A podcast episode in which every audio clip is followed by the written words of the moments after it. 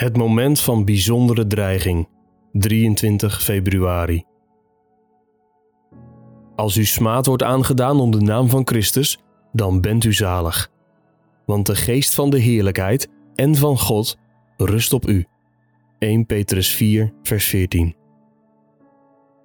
Veel christenen hebben heden ten dagen geen ervaring met de levensgrote risico's die het geloof in Christus met zich mee kan brengen. We zijn eraan gewend geraakt dat we geen last hebben van vervolging. Het lijkt zo te horen. Daarom is onze eerste reactie als het anders dreigt te worden vaak boosheid. Maar die boosheid kan een teken zijn dat we niet meer weten wat het betekent om bijwoners en vreemdelingen te zijn. Geliefden, ik roep u op als bijwoners en vreemdelingen. 1 Petrus 2, vers 11. Misschien zijn we wel te veel geworteld in deze wereld. We hebben niet zoveel heimwee naar Christus als Paulus. Ons burgerschap is echter in de hemelen, waaruit wij ook de zaligmaker verwachten, namelijk de Heer Jezus Christus. Filippenzen 3, vers 20.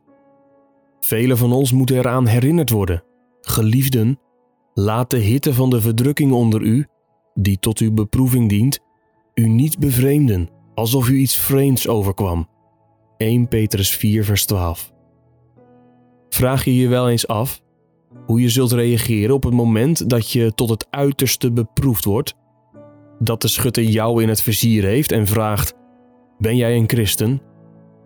1 Petrus 4, vers 14 is dan een krachtige aanwijzing op grond waarvan je hoop mag hebben dat je het beter zult doen dan je zou denken. Als u smaad wordt aangedaan om de naam van Christus, dan bent u zalig, want de geest van de heerlijkheid en van God rust op u.